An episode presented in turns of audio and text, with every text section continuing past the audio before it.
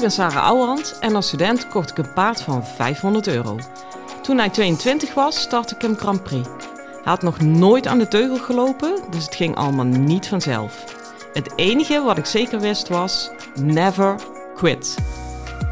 Ik verslond alles wat ik kon vinden over de biomechanica van ruiter en paard.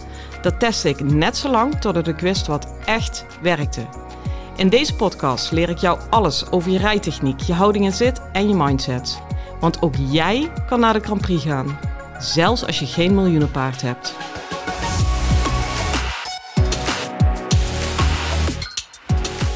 Hi lieve paardenmensen, ik neem je iedere dag dat ik werk mee op pad. Dat betekent dat je mee kan kijken in mijn clinics, mijn workshops, mijn individuele sessies met ruiters in mijn praktijk, mijn gesprekken met de KNS, mijn werk met de hoefslag, mijn eigen voorbereidingen op de wedstrijden.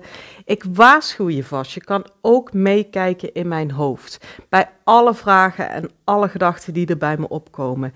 In mijn eigen voorbereiding naar mijn wedstrijd ook in mijn lessen die ik meemaak met de leerlingen in hun hoofd. Wat maakt jou een betere ruiter? Wat maakt mij een betere ruiter? Ik neem je heel graag mee naar de eerste aflevering toe, zodat we samen optimaal kunnen groeien. Hoi!